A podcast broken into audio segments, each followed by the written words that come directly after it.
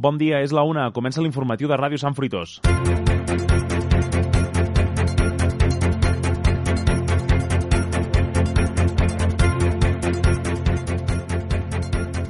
El que va començar sent un problema aliè i llunyà ha acabat afectant el dia a dia de Sant Fruitós. Ahir el president de la Generalitat, Quim Torra, va anunciar que totes les escoles quedaven tancades des d'avui i fins a nou avís aran del coronavirus. Els anuncio que dono ordre de cessament d'activitat dels centres educatius i universitaris a partir de demà mateix. Ahir, a més, vam saber que l'Ajuntament de Sant Fruitós anul·lava els actes previstos fins al dia 23 de març. Avui parlarem de quines afectacions hi ha hagut a causa de la malaltia i explicarem què va passar al ple d'ahir, que, per cert, va ser a porta tancada. Repassarem també l'agenda i el temps i després a l'entrevista recuperarem la que li van fer a la central a Adriana Galvez, biòloga i responsable de projectes de desenvolupament i innovació de la Fundació Alicia.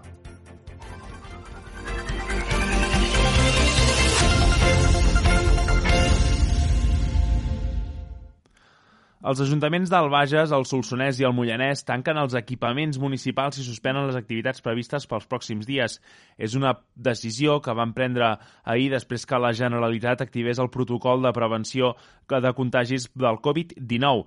Un dels sectors més afectats és el de l'educació, perquè totes les escoles de Catalunya avui ja no han obert i continuaran tancades fins nou avís. Així ho va anunciar ahir el president de la Generalitat, Quim Torra. Els anuncio que dono ordre de cessament d'activitat dels centres educatius i universitaris a partir de demà mateix. Altres sectors que han patit afectacions arrel de l'activació d'aquest protocol són el de la cultura i l'esport. A Sant Fruitós, l'Ajuntament ha decidit suspendre totes les activitats programades al poble fins a d'aquí dos dilluns. Seguint aquest mateix protocol, també ha prohibit les reunions de més de 20 persones en equipaments municipals o les que superin un terç de l'aforament d'aquests equipaments. En aquesta línia, i seguint les directrius del Departament de Salut, tampoc hi haurà activitat escolar a Sant Fruitós a partir d'avui mateix una decisió que també inclou l'Escola de Música. Aquest protocol, a més, afecta alguns esdeveniments culturals, com l'actuació del Quartet Melt, que s'havia de celebrar aquest dissabte 14 de març i que s'ha reprogramat pel 27 de setembre a les 7 de la tarda. Tothom qui ja tenia entrada té dues opcions. La primera és fer-la servir per veure el concert al setembre i la segona és demanar el reintegrament de l'import de les entrades a partir de la setmana que ve. El del Quartet Mel no és l'únic esdeveniment afectat, també és el cas de l'espectacle familiar Tròpic que s'ha reprogramat pel diumenge 3 de maig a les 6 de la tarda. L'Ajuntament també ha activat un espai a la web amb tota la informació que ha emès el Departament de Cultura sobre el coronavirus.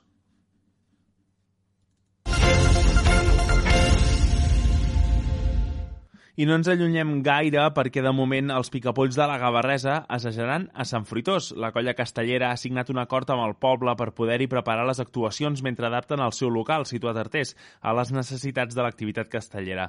Tot i això, s'hauran d'esperar perquè el tancament a causa del coronavirus també els afecta. De moment, l'Ajuntament de Sant Fruitós, tal com sigui tan ràpid com sigui possible, cedirà un espai perquè els picapolls puguin anar-hi a assajar i així portar els castells al municipi.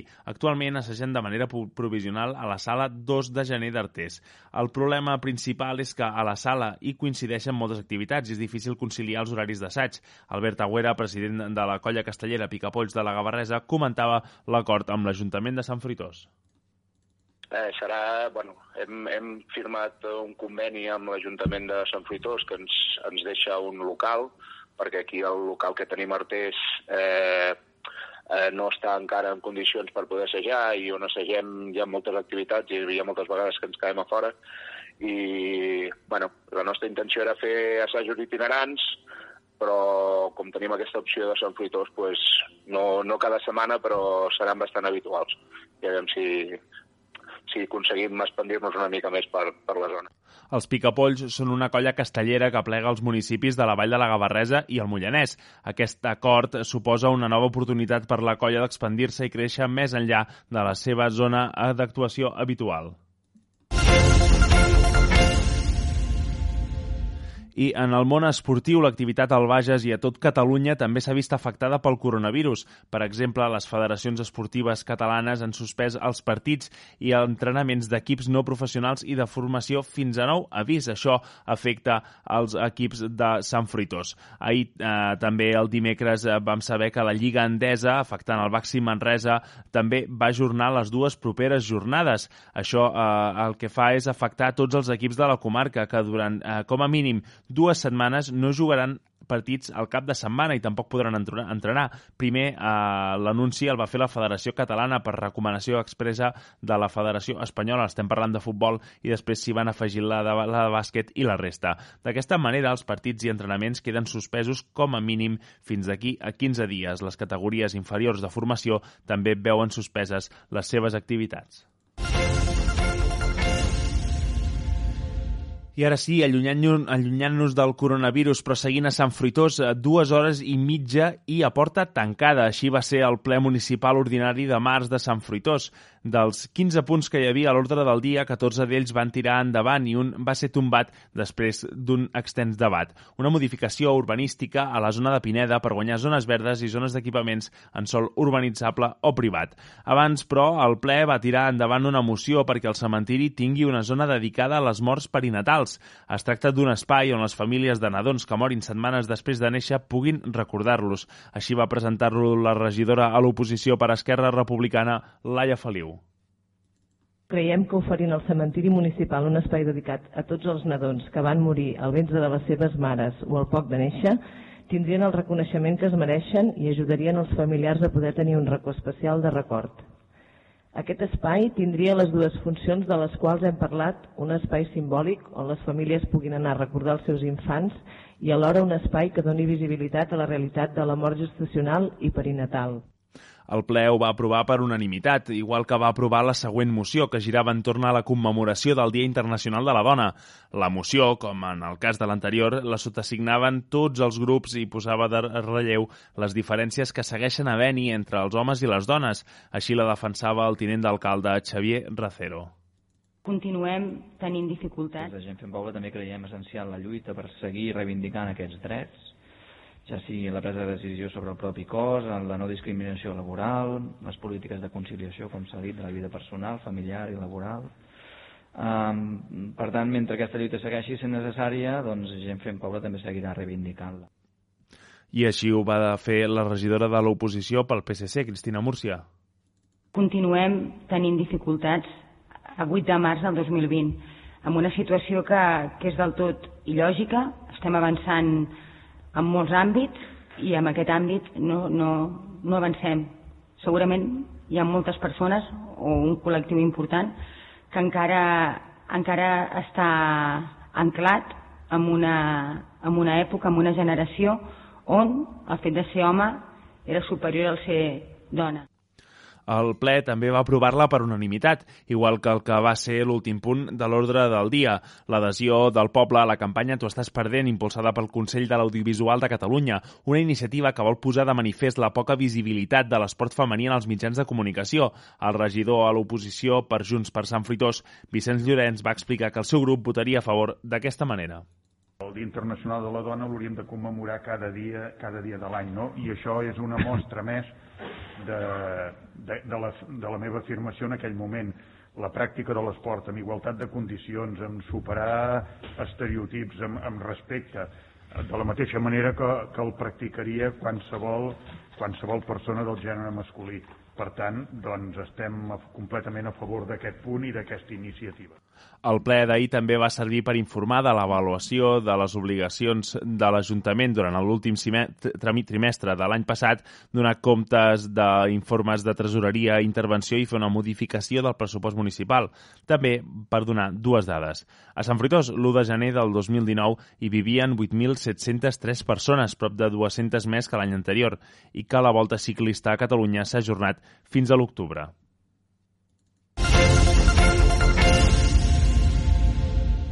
A nivell ja comarcal, l'Ajuntament de Manresa traurà a concurs la gestió d'un supermercat cooperatiu.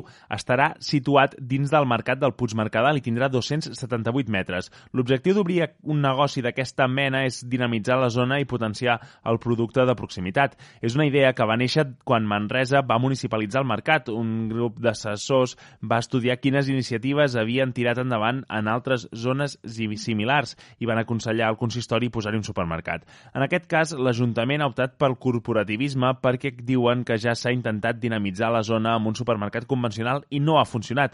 La regidora d'Indústria, Comerç i Activitats de Manresa, Núria Masgrau, explica que un negoci d'aquestes característiques impulsarà l'economia social.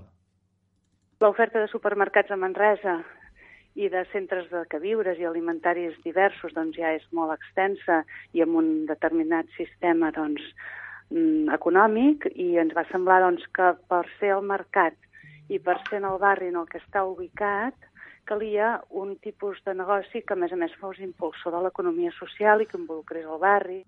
El funcionament del supermercat el decidirà qui guanyi la licitació. Això sí, haurà de complir els requisits socials que demanarà l'Ajuntament. L'estructura i la dinàmica del qui es vulgui presentar, doncs, eh, ells ho sabran. No? Nosaltres el que demanem doncs són aquests condicionants que, que, que ens puguin permetre eh, a, doncs, induir el mercat cap a aquest clúster alimentari doncs, de producte local, de proximitat, ecològic al màxim, eh, que a més a més incorpori la dinamització social, etc. no? La licitació té previst que qui guanyi gestioni el supermercat fins al proper 2036. I a la premsa comarcal, el Regió 7 destaca que els habitants d'Igualada, Òdena, Vilanova i Santa Margarida estan confinats a partir eh, des de mig, la mitjanit. El govern ha imposat aquesta mesura dràstica per controlar un brot de coronavirus que ha passat de 20 casos d'ahir als 58 que hi havia eh, avui. L'Emma Schuen és l'entrevista destacada per, de la Nació Manresa, que diu que sembla que el govern espanyol no s'ha assabentat del que passa. És una entrevista que ha fet la periodista Marta Casas a la, al president de la Unió d'Associacions Xineses de Catalunya, que es mostra crític per l'acció política a Espanya.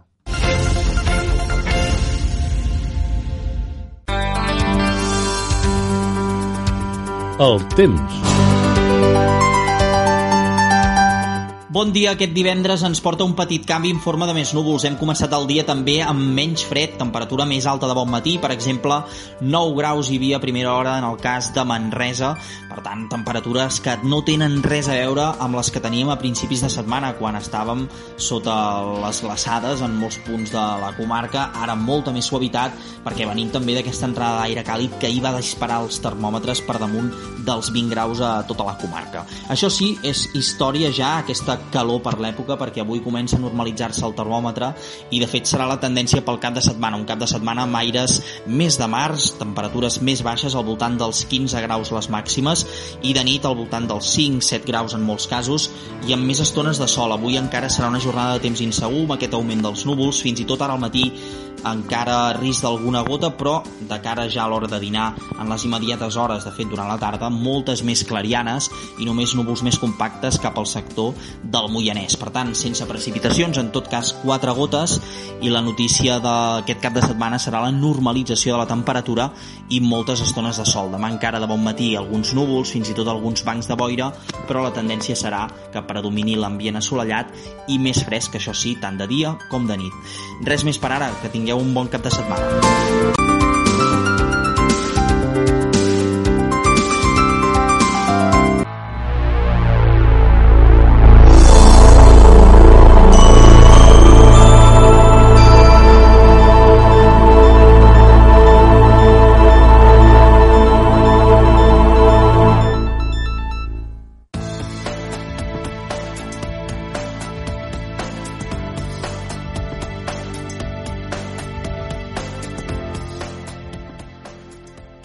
Sant Fruitós hi ha una fundació, al Mont Sant Benet, que es dedica a l'estudi de la gastronomia. És la Fundació Alícia.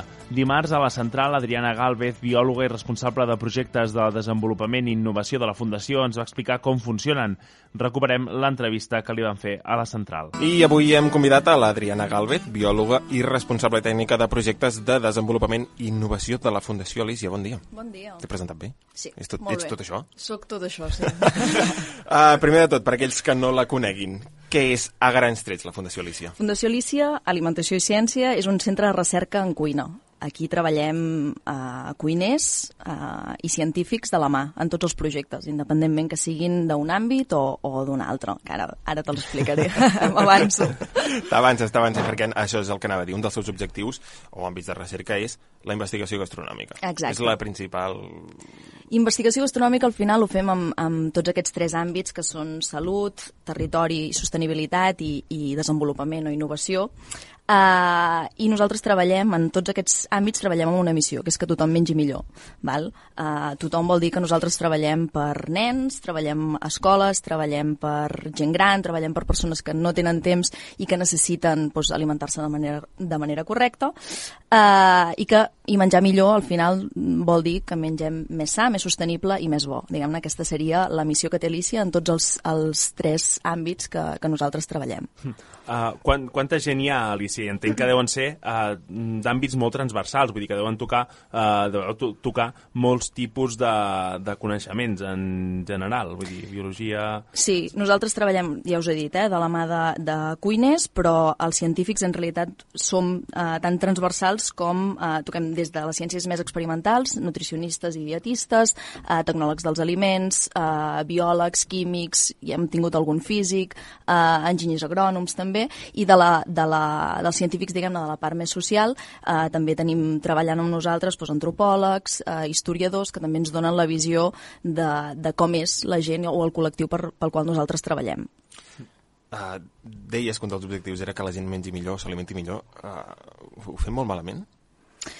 Les estadístiques i l'evidència, les, les evidències diuen que ara mateix, home, una mica, i que hem de, que hem de continuar treballant per, perquè tothom, eh, independentment de l'edat, eh, de la seva situació de vida, tingui malalties o no, intentem millorar una mica més els nostres hàbits de, alimentaris i No, estil perquè no és de el vida. mateix un, un nen petit que una persona més gran o amb, també, uh, això et volia preguntar, vull dir, uh, deu ser molt important, darrerament la investigació pel que fa a persones amb celíaques, per exemple, amb intoleràncies... Uh, al·lèrgies i intoleràncies, també treballem amb, amb persones grans, no? gent gran que també té unes característiques a nivell pues, uh, nutricionals, no? uh, gent pues, que té disfàgia, uh, que té diferents malalties, càncer, Disfàgia? diabetis... Disfàgia és les persones que uh, no poden, tenen dificultats a l'hora de, de mastegar o empassar. Hmm. Val? Llavors, aquestes persones uh, se'ls ha de modificar la textura dels aliments que, que, ells, que ells ingereixen per tal de, pues, d'evitar pues, símptomes com aspiracions, que se'ls hi vagin els al menjar als pulmons. Llavors, la textura del, dels seus aliments ha de ser una textura molt concreta per evitar aquestes, aquestes, mm, aquests condicionants, diguem-ne. Hmm. I uh, no sé si dir-los pacients, col·laboradors, uh, com els trobeu? Vull dir, uh, algú que, que mm, té, li, li diagnostiquen disfàgia o alguna malaltia d'aquesta mena, uh, ja els indiquen, ostres, a la Fundació Alícia teniu la possibilitat de que mirin com millorar la vostra alimentació o venen ells... A... Nosaltres sobretot treballem, o sigui, al final nosaltres treballem per l'usuari, però eh, treballem amb, amb empreses, amb empreses o bé amb, amb projectes socials. Val? Tot el coneixement que nosaltres generem en aquests projectes socials està disponible i de manera gratuïta a la nostra pàgina web. És a dir, eh, hem fet unes guies del càncer, les guies de textura modificada, de fàcil masticació, tot això està disponible a la nostra pàgina web eh, de lliure accés. Val? Però sí que és veritat que nosaltres al final el que fem és eh, formar sobretot eh, personal mèdic, a cuidadors, no treballem directament amb l'usuari, mm. sinó treballem amb les persones que estan encarregades de la gestió de l'alimentació d'aquestes persones, pacients, tu que deies, no? persones que tenen algun tipus de, de malaltia o no, eh, perquè també anem a, a escoles, treballem amb, amb menjadors escolars, vull dir que al final treballem amb l'intermediari, però el nostre objectiu principal és treballar per arribar a l'usuari final. Hm. La pàgina web que és eh, www.alicia.cat. Recordem-ho per si algú vol, vol entrar, perquè eh, jo, per exemple, m'hauria de mirar, perquè no sé si et passa, però jo menjo molt ràpid. Pff, pues, ostres, ara m'has agafat aquí. Jo crec que sí. En general, men... és que, Mengem, mengem ràpid i moltes distraccions, també, mm. i això fa que, que realment no prestem atenció a allò que tenim a davant. Mengem molta més quantitat no? uh, del que realment necessitaríem. Això és quan vas al cine, no? que tens les, el bol de crispetes uh, a davant teu i tens una pantalla gegant i al final menges, menges, menges i no estàs pendent d'allò que tens. Mm. Si jo us repto ara de que féssiu aquest brol de crispetes no? un dia sentats davant de la taula i comencéssiu a menjar, us l'acabaríeu o no? No, segurament no. T'acabaries avorrint, és segurament, veritat. Segurament no, perquè clar, no tens cap, cap mena de pantalla, cap mena de distracció i això fa que, que realment no, no tinguis en compte o en consideració allò que tens a, al plat. Un altre dels pilars també comentaves el patrimoni alimentari. Exacte, nosaltres treballem també sobretot amb, amb entitats eh, o amb l'administració, no? amb, amb, amb ajuntaments, eh, amb diferents entitats eh, i treballem per promocionar el, el territori, el patrimoni agroalimentari, el patrimoni històric de, dels territoris a través de la cuina. És a dir, nosaltres anem al territori, eh, busquem quin menjar, no? quin, quin plat, quin producte hi ha, i a través de la cuina, a través de la manipulació d'aquest producte, eh, intentem realçar el patrimoni i crear estratègies gastroturístiques perquè la gent visiti el territori i se'l mengi, no? És una mica eh, menjar-se el territori. Ara, ara potser t'agafo contrapeu, però per exemplificar-ho millor crec que s'entendrà. Per exemple, aquí al Bages, Sí. Uh, quin, quin seria un exemple d'aquests productes? Sobretot nosaltres treballem a territori català, que és al final el que, sí. el que nosaltres coneixem més, eh? Sí, sí. I, i, I al final hem treballat molt amb el Bages, o, o, o bueno, a Barcelona també treballem, no? Mm. Bueno, treballem per tot Catalunya. Però un exemple, per exemple, seria, aquí a Sant Fruitós hem, hem treballat el, el, la festa de l'arròs, no? Sí. la conceptualització d'aquesta festa històrica que porta tants, tants anys eh, pues, celebrant-se. Hem intentat conceptualitzar, recuperar aquestes receptes, l'evolució de, de, de l'arròs, no? com ha anat evolucionant amb el temps, per donar-li pes, no? per mm. intentar mm. promocionar la festa, però al final el que estem fent és que la gent vingui al territori, que ens conegui, que, que, no? que, que, que promocionem, visitar. que vulguin visitar-nos i que, que al final a través l'excusa és, és la cuina, és la gastronomia, però que vinguin al nostre territori i ens coneguin i que tornin a venir també. Exacte, és una col·laboració. De fet, amb Fundació Alicia, si no vaig errat, fa dos anys, eh, en col·laboració amb l'Ajuntament, vau preparar un, un díptic amb la història del, de la festa de l'arròs, no, un llibre de... amb la història de la festa sí. de l'arròs. Sigui, va ser un estudi que vam fer, eh, crec que va ser el 2018, 2019 vam presentar aquest llibre, on hi han doncs, tot el que és la contextualització d'aquesta festa, també amb, amb col·laboradors externs, eh? eh? i un receptari, un receptari de, de diferents receptes de com han, com han anat evolucionant no? uh, les elaboracions amb arròs que es feien doncs, fa 100-200 anys a com es fan ara, com han anat evolucionant.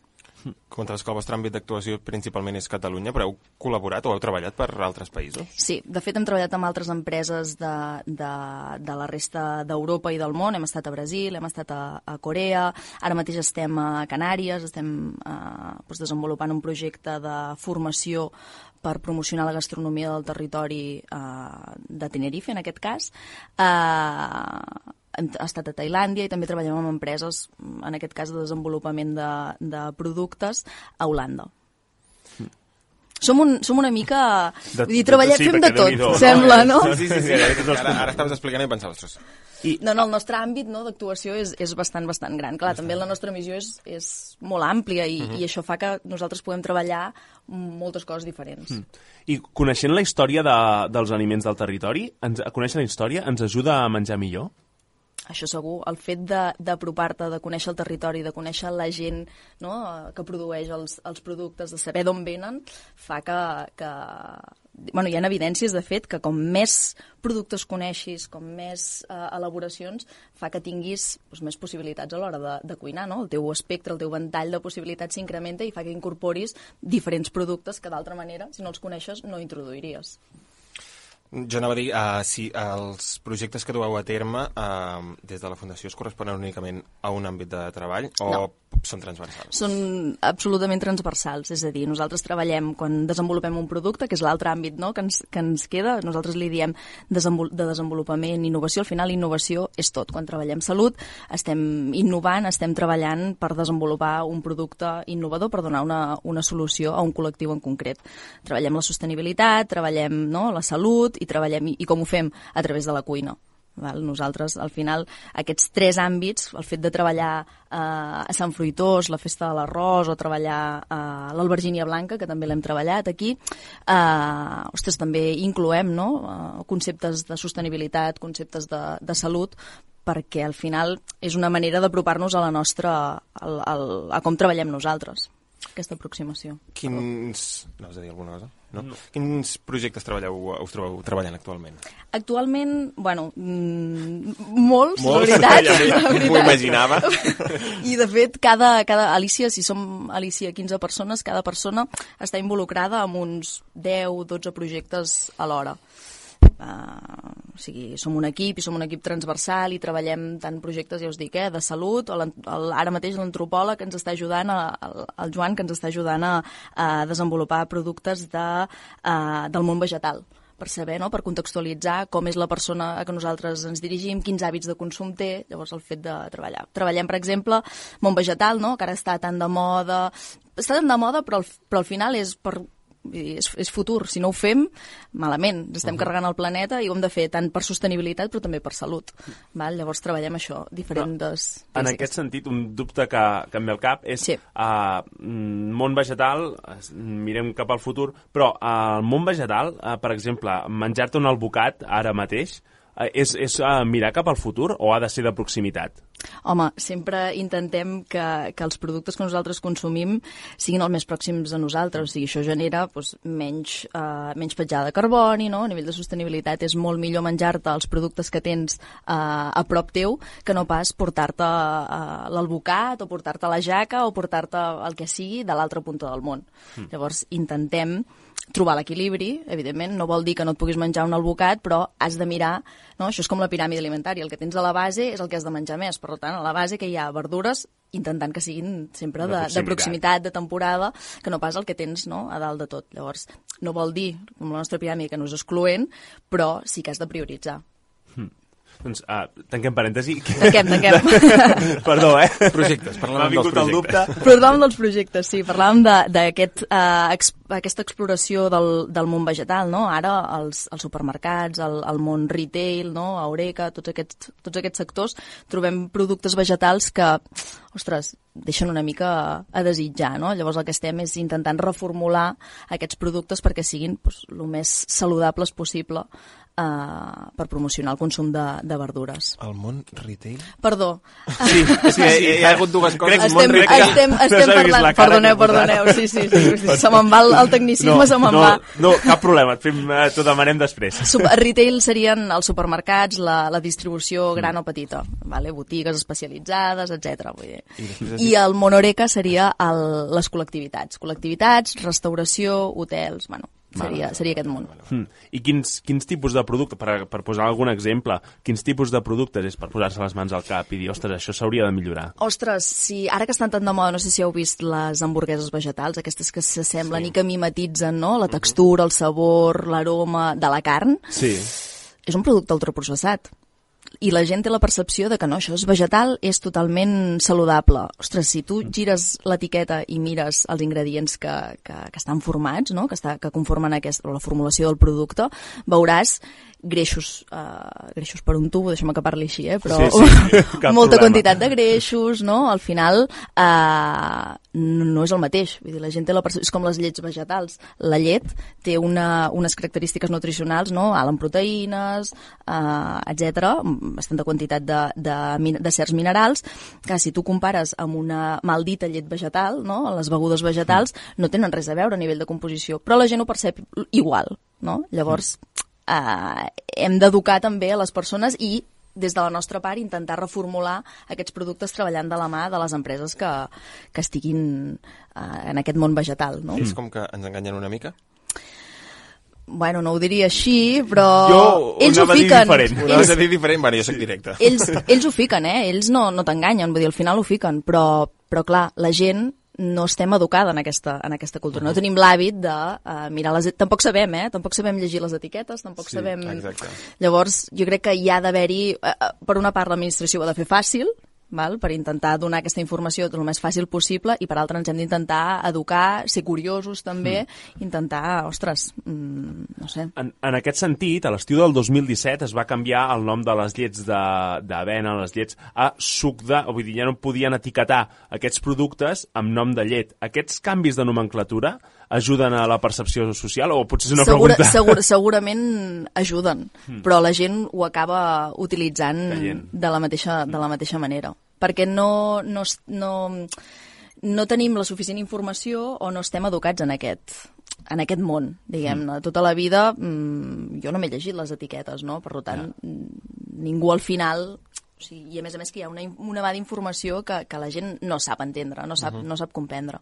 I hem de treballar per això, eh? perquè sigui el més fàcil possible i, i apropar-nos al consumidor. Jo volia recuperar l'hamburguesa ultraprocessada. Sí. Recuperem-la, recuperem-la, que ens n'hem anat, ens n'hem anat. No, no, no, no és, és perquè, vull dir, uh, uh, la posaves d'exemple com a producte que s'hauria de millorar, no? Mhm. De quina manera? Com ho feu? Nosaltres... Si vols canviar de producte, podem fet... canviar de producte. No, eh? no, podem, podem parlar d'hamburgueses, podem parlar d'ous, no? Podem parlar... Ous, ous també, ous... ous... ous són millorables? Bueno, no, els ous no, eh? Però, estem, però també treballem amb, amb desenvolupant productes substituts de l'ou. Uh -huh. Val. Val?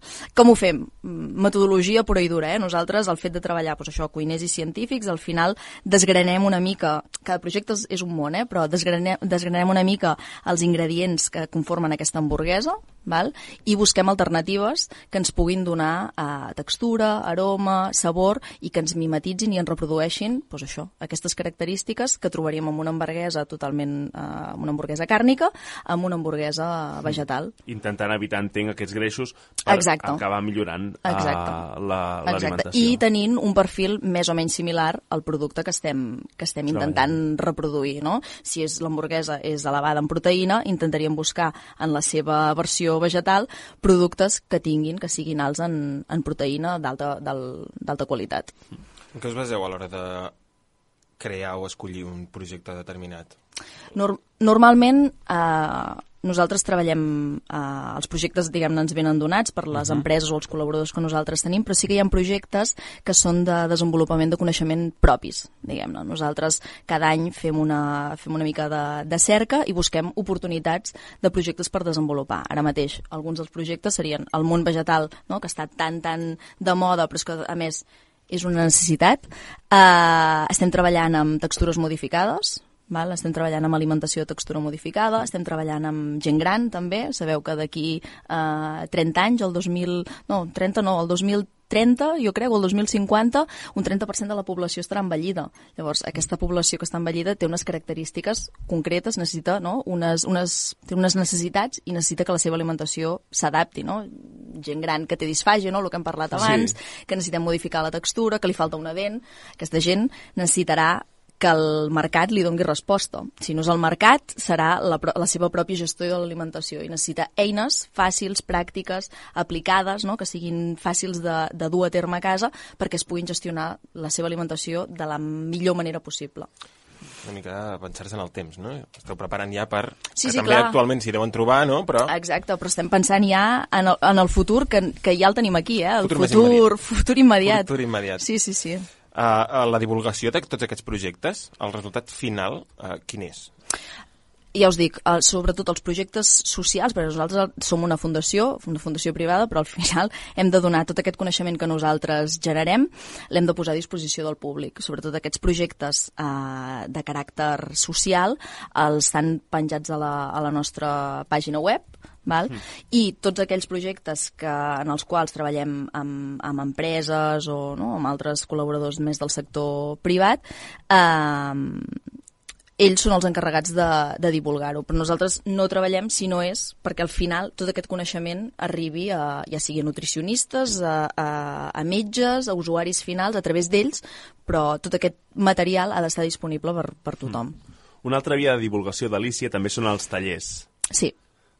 Nosaltres, nosaltres tenim a, a Montsant Benet un, un catàleg de tallers des de, que va des de les temàtiques més diverses tot relacionades amb l'alimentació, alimentació i ciència, alimentació i història, no? tenim un, tenim un taller d'alimentació medieval, eh, promoció de bons hàbits alimentaris, eh, diferents temàtiques adaptades a diferents nivells escolars, des de P3 fins a, um, fins a batxillerat, més o menys. Ah, llavors entenc que hi ha d'haver un paper més pedagog també dins de la Fundació Alicia. És que, Sí, no? sí, sí. Nosaltres treballem, de fet, som, som una fundació que treballem eh, amb Fundació Catalunya La Pedrera.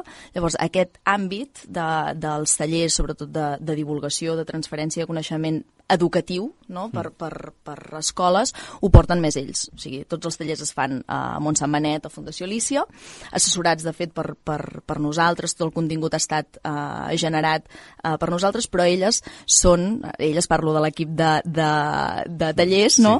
Um, són especialistes, educadores, són gent no? que, que en matèria d'educació doncs, tenen més, més és- és el seu perfil al final i són Mm. elles al final qui estan amb, amb, aquests, uh, amb aquests grups escolars fent totes aquestes, tots aquests tallers. Mm. Perquè, no, bueno, no ho hem dit, però, però esteu al Montsant Benet. Estem aquí, estem aquí al sí, costat, Sí, sí, estem estem aquí aquí al al costat, per costat. tant eh, ho heu, ho heu tingut uh, més fàcil. Uh, llavors, uh, a part, també feu aquestes uh, publicacions que, que has comentat i a través de tot això és uh, una mica la feina de Fundació Alicia i com va des del principi fins al final, no? Sí. Do, és que, és que m'has enganxat aquí mirant els tallers de, de la Fundació Alicia i n'hi ha de molt interessants, eh? entrepans extravagants. Sí. Entrepans extravagants. Per deixar, Sí, sí, per deixar través- de fer de, de Bueno, i sabeu que els entrepans, no? No, però és, és apropar o, o donar altres possibilitats a, a, a nens no? o, o adolescents uh, perquè canviïn no? els seus hàbits a través, doncs mira, en aquest cas, d'aquesta temàtica de fer-se aquests entrepans doncs, el més saludable possible. I a través de- d'exemples no? divulguem tot aquest coneixement de promoció de bons hàbits, estil de vida saludable, etc. I tema... és que ara, per la cara que poso, no. Ja em no, fas por amb aquesta cara, ja. M'ho emporto al meu territori perquè uh, jo sóc una persona que cada dia he de dinar de tàper. Ah. I el que faig, o el que fem a casa meva és, uh, per dinar ja tal, uh, en cuinem una miqueta més. I pel dia I següent. pel dia següent.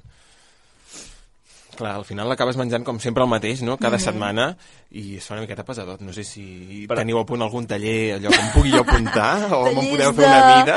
Tallers de... Hòstia, de- d'això no, no podríem treballar-hi, eh? Bueno, de fet, totes les nostres receptes que també estan, no sé si a la pàgina web, però col·laborem amb, amb l'Agència de Salut Pública de Catalunya, uh -huh. amb La Vanguardia, etc. Uh, hi han moltes receptes sempre fàcils, uh, pràctiques, no? evidentment amb la vessant saludable i sempre que puguem amb la part de sostenibilitat, uh, penjades uh, i disponibles de manera gratuïta a tots aquests, tots aquests portals, no? perquè la gent pugui... Al final és que la gent agafi idees i s'ho pugui manegar com vulguin, però, però la idea és que la gent cuini a casa. Estem perdent l'hàbit de cuinar i si cuines Uh, ostres, els teus hàbits alimentaris, de fet hi ha evidència, eh? com hem començat així, però uh, hi ha evidència de que la gent que cuina a casa té millors hàbits uh, saludables i alimentaris. Doncs ens Vaja. Ja ho saps. De posar, hi haurem de posar. haurem de buscar un fornadet cada tarda per, per cuinar per l'endemà. Bueno, Mm. Tot és posar-s'hi. I tant. L'hauràs de buscar. A buscar el... Sí, sí, sí, sí, l'haurem de buscar. Bueno, en definitiva, que ens n'anem. Uh, Adriana Galvez, uh, moltes gràcies per passar A vosaltres. per la central. Seguirem atents als, als tallers, a veure si... I els passos que fas A veure si, Fundació a veure si en cau un de, de, de, de Alicia.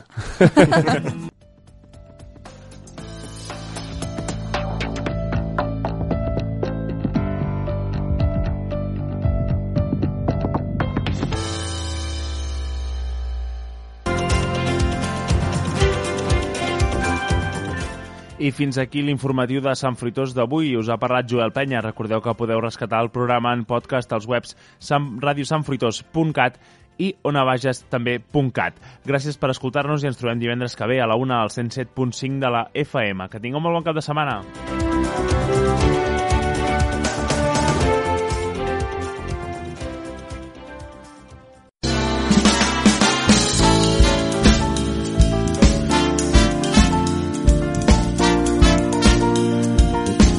La veu dels valents. Cridar, podem cridar.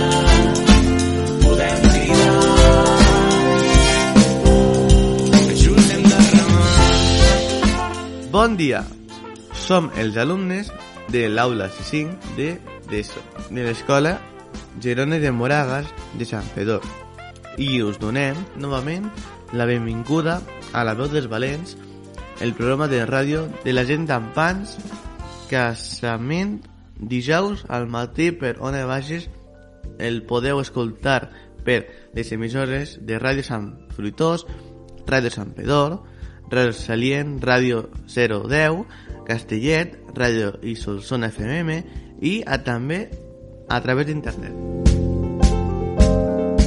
Intentarem que pugueu gaudir una estona de la ràdio amb les nostres seccions habituals com són Pans News, l'entrevista, també repassarem l'actualitat esportiva, riurem amb alguns acudits i escoltarem una cançó. Esteu molt contents que ens escolteu. Som!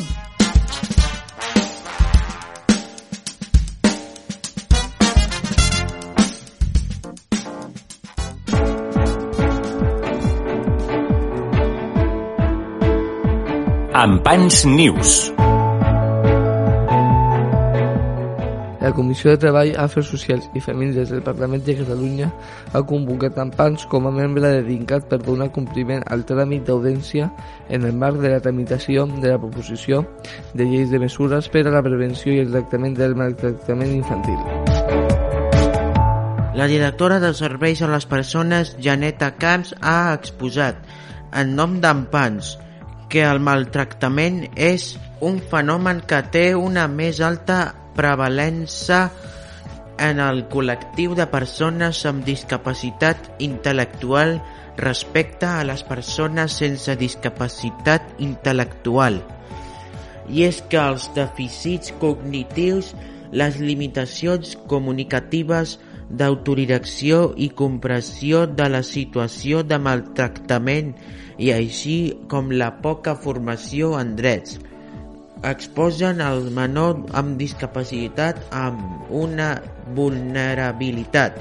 Janessa Camps ha explicat que la persona amb discapacitat és percebuda encara avui dia amb un rol social devaluat, generant sovint una relativització de l'estatus de víctima tant per part de l'agressor com pel propi sistema que l'ha de protegir. És per això que Camps considera necessària l'especialització dels professionals que treballen en aquest àmbit i la transversalitat i coordinació dels serveis. Tal com ha expressat Janeta Camps al Parlament, cal apostar per un model d'atenció més preventiu que impacti socialment, alhora que puguin donar una atenció de més qualitat a les víctimes. Hem de ser més eficients i qualitatius quan hi hagi hagut un maltractament, en les tramitacions del procés de denúncia, exàmens mèdics, entrevistes i pautes de tractament i evitar la victimització secundària que a vegades pateixen en aquestes persones. Explica Camps. Per aquests motius, des d'Empans, entenem que una legislació que protegi els menors dels maltractaments i que tingui la sensibilitat de tenir en compte les característiques de les persones amb discapacitat intel·lectual és un avanç social destacable. Amb conclòs Janeta Camps.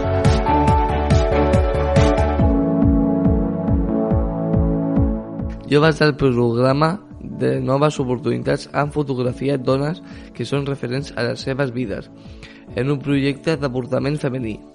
L'exposició Reflexes en femení, organitzada per Ampans, es pot veure d'avui a la Biblioteca de l'Ateneu de les Bases de Manresa. Aquest matí s'ha presentat l'exposició de fotografies Reflexes en femení, una iniciativa del Centre de Noves Oportunitats d'Ampans, que vol fer un reconeixement a les dones del seu entorn més proper. L'exposició es podrà veure fins al 16 de març a la Biblioteca de l'Ateneu de les Bases. Es tracta d'una col·lecció de 29 fotografies fetes pels joves del Centre de Noves Oportunitats, acompanyades d'un petit text on expliquen per què han escollit aquesta diferent dona a qui admiren. L'exposició forma part del projecte Star Girls, que té l'objectiu d'apoderar les dones i fer-les més visibles. i de la campanya És ella, impulsada per Empans amb motiu de la Setmana de la Dona. El projecte Store Skills contempla també la dinamització de l'eina Tabú. Tu tries què? T'hi jugues. Tallers d'autodefensa personals i la xerrada d'una dona emprenedora, Judit Torrabadella, que explicarà als joves els seus reptes a nivell professional. En el discurs de l'acte de presentació, dues joves del Centre de Noves Oportunitats han explicat la seva experiència al participar de l'exposició i han assegurat que s'han triat elles mateixes com a referents perquè han passat moltes coses però han arribat fins aquí. També ha intervingut l'àvia d'un jove que ha estat escollida com la seva referent, la regidora de Feminisme i LGTBI de l'Ajuntament de Manresa, Cristina Cruz, ha tancat l'acte fent un elogi al treball de gènere dut a terme pel Centre de Noves Oportunitats i assegurant que s'ha avançat molt, però encara queda molt camí de recórrer. A la presentació també hi ha assistit el president d'Ampans, Sebastià Catllà, i la directora del Centre de Noves Oportunitats, Ada Colomer. El Centre de Noves Oportunitats, gestionat per Empans i l'Intermediar, es troba dins del Pla d'actuació del Departament de Treball, Afers Socials i Famílies, a través del Servei d'Ocupació de Catalunya. És un programa que s'adreça a joves d'entre 16 i 24 anys que no treballen i han abandonat els estudis amb l'objectiu que recuperin les ganes d'aprendre i retornin al sistema educatiu o bé es formin i trobin una feina. El programa, amb 10 punts d'actuació a la Catalunya Central, ofereix orientació, formació, acompanyament i intermediació i es caracteritza per tenir itineraris de fins a dos anys per desenvolupar el projecte professional i personal dels joves. La segona edició del programa, engegat l'any 2018, ha acompanyat 466 joves i ha aconseguit 60 insercions laborals, 49 retorns al sistema educatiu, 110 convenis de pràctiques i 6 projectes comunitaris d'impacte. En total s'han contactat amb un total de 252 empreses i 171 de les quals han col·laborat activament en el programa.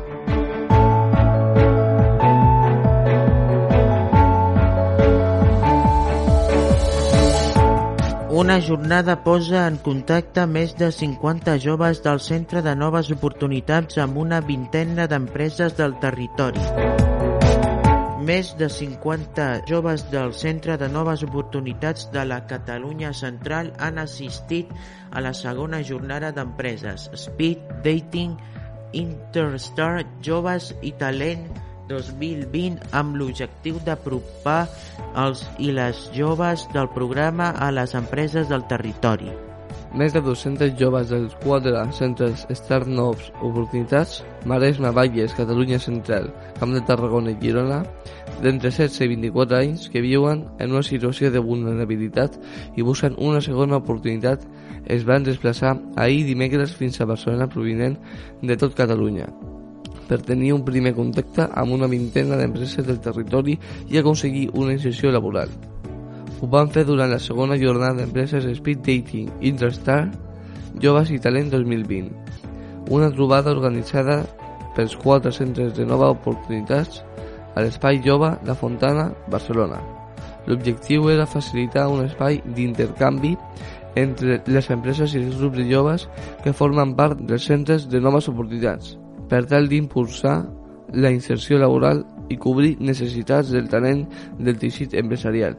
Actualment, els grups de joves s'estan formant en els àmbits d'hostaleria, turisme, comerç i serveis logística, oci i imatge personal. Ariana Rectoret, directora del Servei Públic d'Ocupació de Catalunya, va destacar molt positivament la feina realitzada i va agrair a totes les persones que ho fan possible gràcies a les fundacions, als equips directius i tècnics i a les empreses per apostar pel programa. Sense vosaltres no seria possible.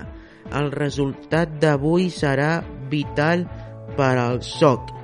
Paula Prados, alumna del Centre de Noves Oportunitats de Catalunya Central, va apuntar hi ha molts joves que els agradaria tenir aquesta oportunitat i no la tenen i, els, i les joves dels quatre centres d'estars noves oportunitats hem d'estar agraïts de poder viure aquesta experiència que ens donen i l'hem d'aprofitar al màxim. Nosaltres tenim molta sort.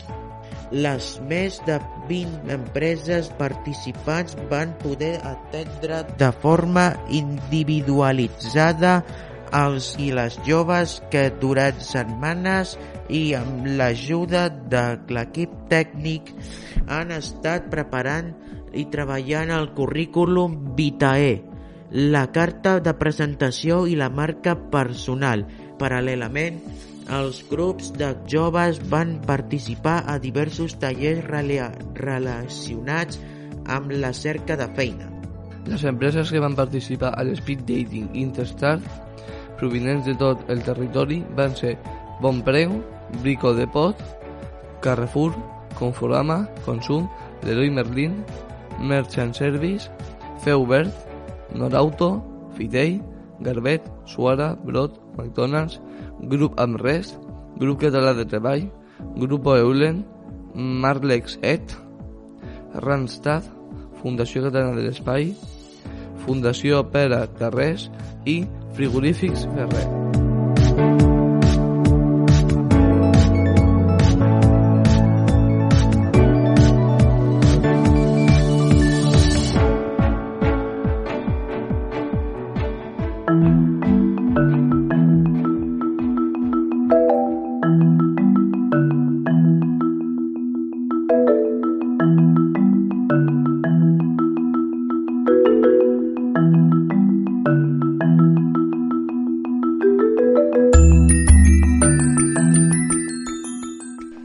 Arribat a l'espai setmanal de l'entrevista a la veus dels valents.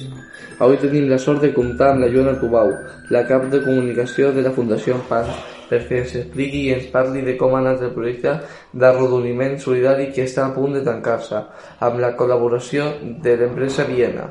Bon dia, Joana. Hola, bon dia i moltes gràcies per convidar-me. La comunicació amb fans dona molta feina. Ui, sí que en dona, sí.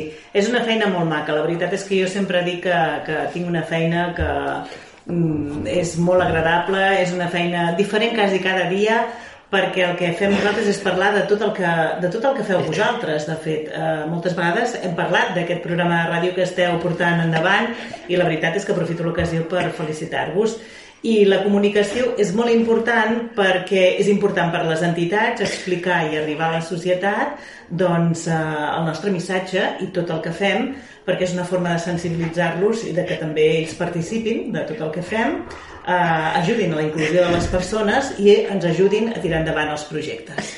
Aquests darrers mesos heu col·laborat amb l'empresa de restauració Viena a través de la Startup World Co en un projecte d'arrodoniment solidari. En què consisteix un projecte com aquest?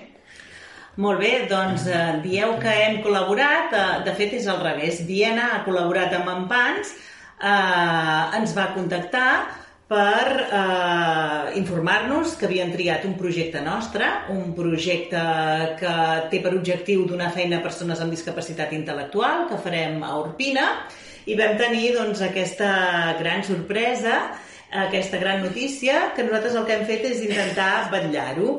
Llavors, com funciona això? Pues els clients del Viena, eh, quan van a dinar o a berenar, sopar, esmorzar, se'ls hi pregunta si volen col·laborar amb en Pan, si volen col·laborar amb aquest projecte i el que fan és donar una petita propina. Ho fan a través d'una targeta de crèdit, perquè només es pot fer amb targeta de crèdit, i aquells diners que destinen, que, que no solen superar, no són mai una gran quantitat, sinó que sempre estem parlant de centimets, doncs es van destinant a aquest projecte d'empans. I el que passa és que la suma d'un client i un altre i un altre i un altre fan que al final una ajuda de les persones que potser són 50 cèntims acabi sent una ajuda molt important per Empans per poder desenvolupar aquest projecte. Per tant, estem molt agraïts a Viena i molt agraïts a Walco, que és l'empresa que va tenir aquesta idea d'idear un sistema informàtic perquè aquestes empreses com Viena doncs, puguin eh, participar de projectes solidaris. Era el primer cop que col·laboràveu amb Viena? Sí, és la primera vegada que hem establert una col·laboració amb els establiments Viena i també és la primera vegada que hem eh, participat d'un projecte d'arredoniment solidari.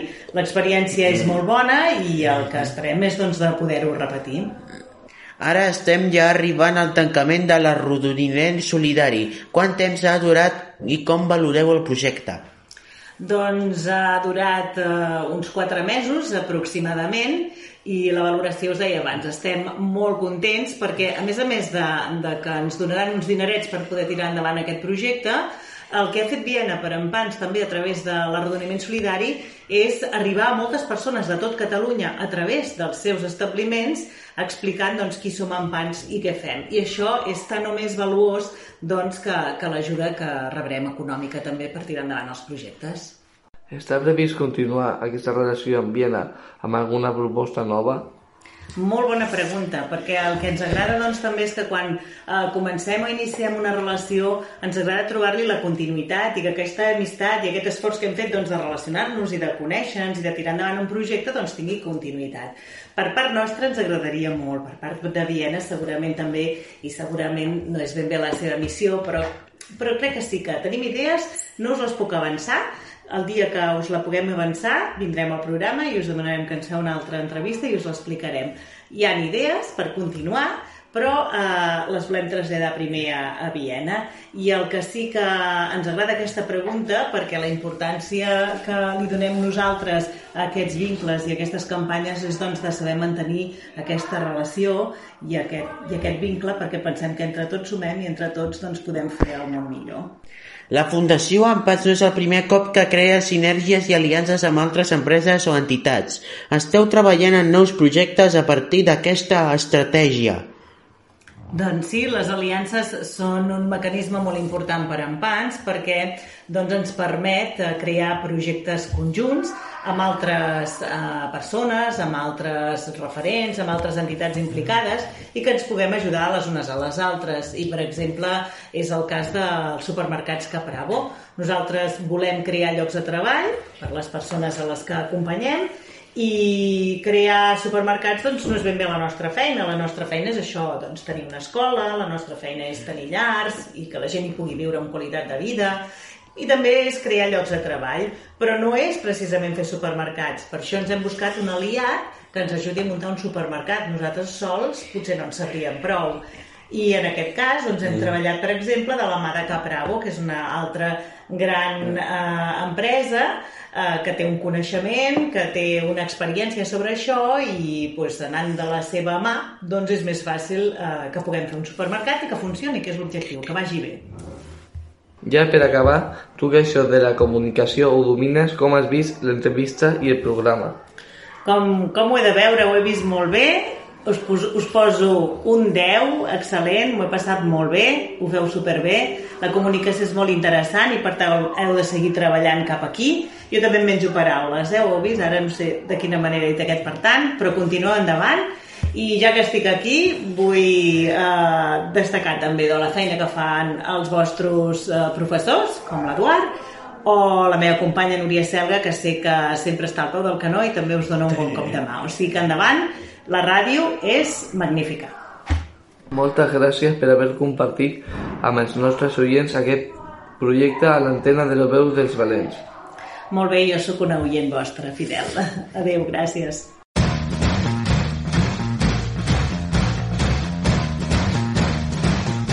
Pilotes fora.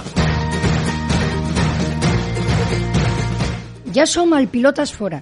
Com cada programa, no pot faltar l'actualitat esportiva de casa nostra.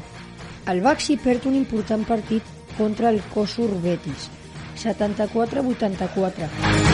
El Baxi Manresa va deixar escapar del nou Congost una important victòria que els hauria donat pràcticament la salvació una temporada més a la Lliga ACB Endesa. El Betis es presentava al nou Congost tres victòries per sota dels manresans, però amb una línia clarament ascendent si mirem els darrers resultats. Els homes de Pedro Martínez sabien del bo estat de forma de l'equip andalús i, per tant, estaven avisats de que seria un partit difícil. El partit, molt disputat, va estar igualat durant tota la primera meitat, on s'hi va arribar amb un 37 a 35 a favor dels manresans.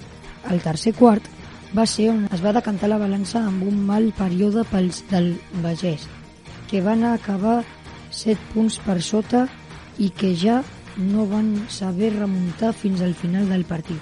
Tot i la derrota, les posicions de descens queden encara a quatre victòries, ocupant-les actualment el Fuenlabrada i l'Estudiantes de Madrid. Esperem que en les properes jornades el Baxi pugui certificar aquesta anhelada permanència un any més entre els grans del bàsquet estatal.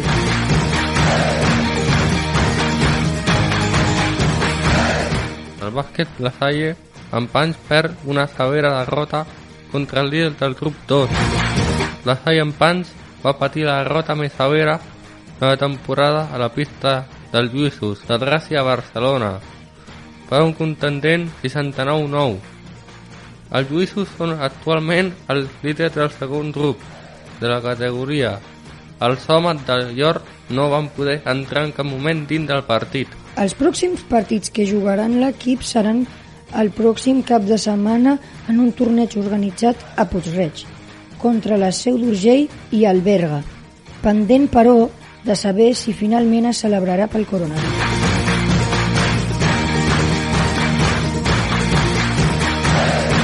Resultats diferents a la Copa pels equips de futbol. La Copa ja està en marxa per als nostres equips.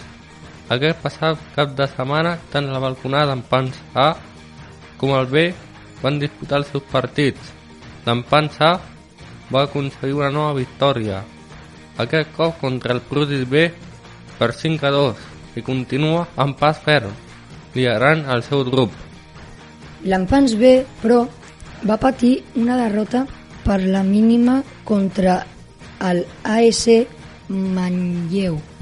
Aquest partit ha significat el debut a la Copa dels Blanquiblaus. Els pròxims partits seran el dia 21 de març i enfrontarà el UE Balconada en Pans contra el Montblau Prosperitat A i el B contra Sant Martí.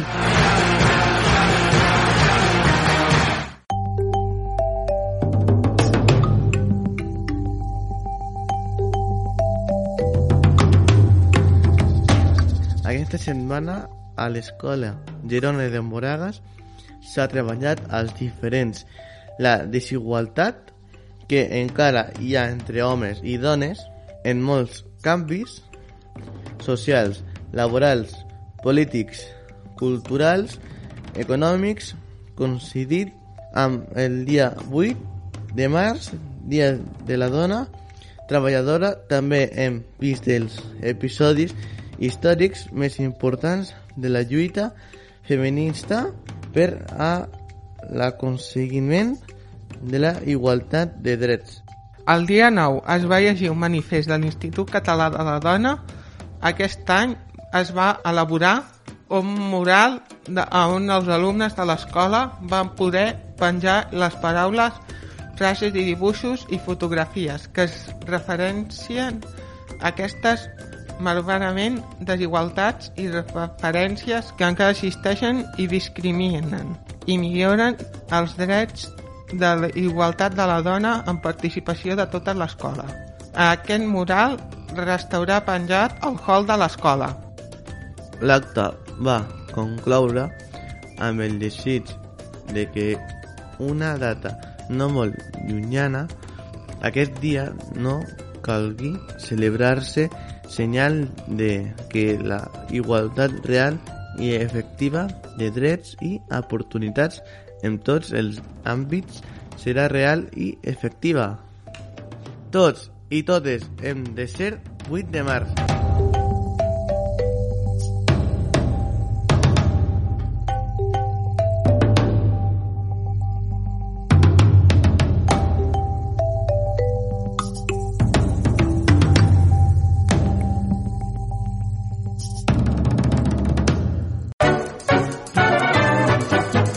Amb xispa. Avui, a la secció més divertida, posarem el toc d'humor amb els següents acudits. Els locutors d'aquest programa, l'Adrià i el David, alumnes d'ESO, i l'Eduard, mestre d'ESO, a veure què us sembla. Endavant, acudits! Hi havia dos soldats en una moto i no es van caure. Per què? Perquè anaven soldats. Sabeu quina és la diferència entre una cadira i la capital de Kansas City? Doncs que la capital de Kansas City és Kansas City i una cadira és Pacific Kansas.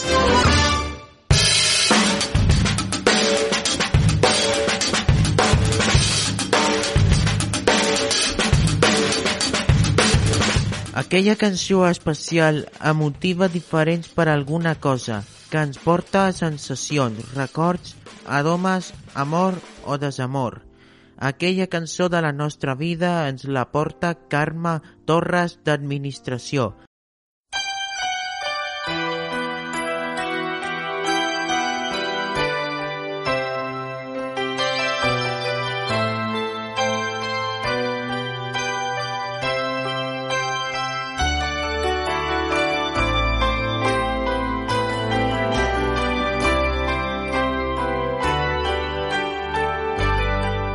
I fins aquí un programa més de la veu dels valents que us han portat a l'antena d'Ona Bages els alumnes de l'Escola Genori de Moragas d'Empans. Esperem que hagueu gaudit tant com nosaltres del programa i us esperem divendres que ve. Ja hem arribat al programa 33 i esperem poder-ho fer molts programes més. Moltes gràcies per la vostra atenció. Una abraçada. La primavera és a prop.